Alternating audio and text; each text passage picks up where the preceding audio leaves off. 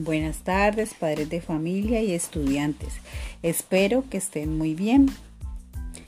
Esta es la segunda guía del cuarto periodo, Historias Mágicas para Niños Geniales.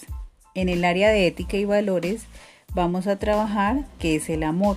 Vamos a escribir en el cuaderno el concepto de qué es el amor y para esta parte vamos a leer en voz alta el cuento de Peter Pan que nos habla del amor a nuestros padres. Realizamos la actividad en el cuaderno.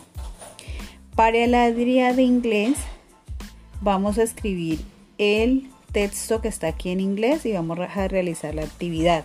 La actividad consiste en recorrer nuestra casa y observar los dispositivos electrónicos, dibujarlos y escribir su nombre en español y en inglés y realizar un corto video con un informe pronunciando sus dispositivos en inglés.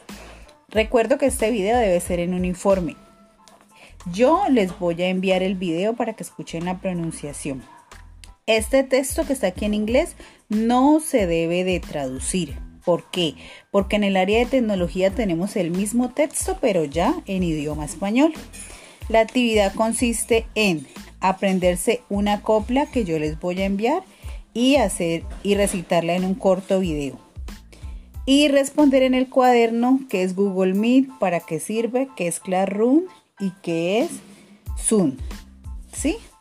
Eso es lo que debemos de hacer. En el área de emprendimiento vamos a trabajar, vamos a seguir trabajando lo que veníamos hablando las clases pasadas, que era acerca del conflicto.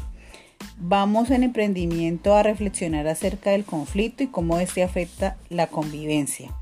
Vamos a mirar que allí hay unos valores y acuerdos que se harían referencia a las estrategias de solución de conflictos y vamos a escribir un conflicto que hayan ustedes tenido en casa durante esta pandemia. Vamos a explicar cómo lo resolvieron y qué estrategias pudieron usar para poder llegar a acuerdos y para poder vivir con una mejor convivencia.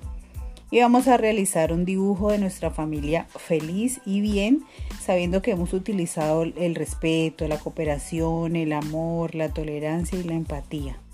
Entonces esos son los temas que vamos a trabajar.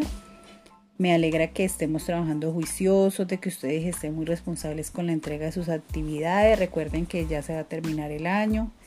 Entonces, para que no quedemos con nada pendiente, quedo atenta.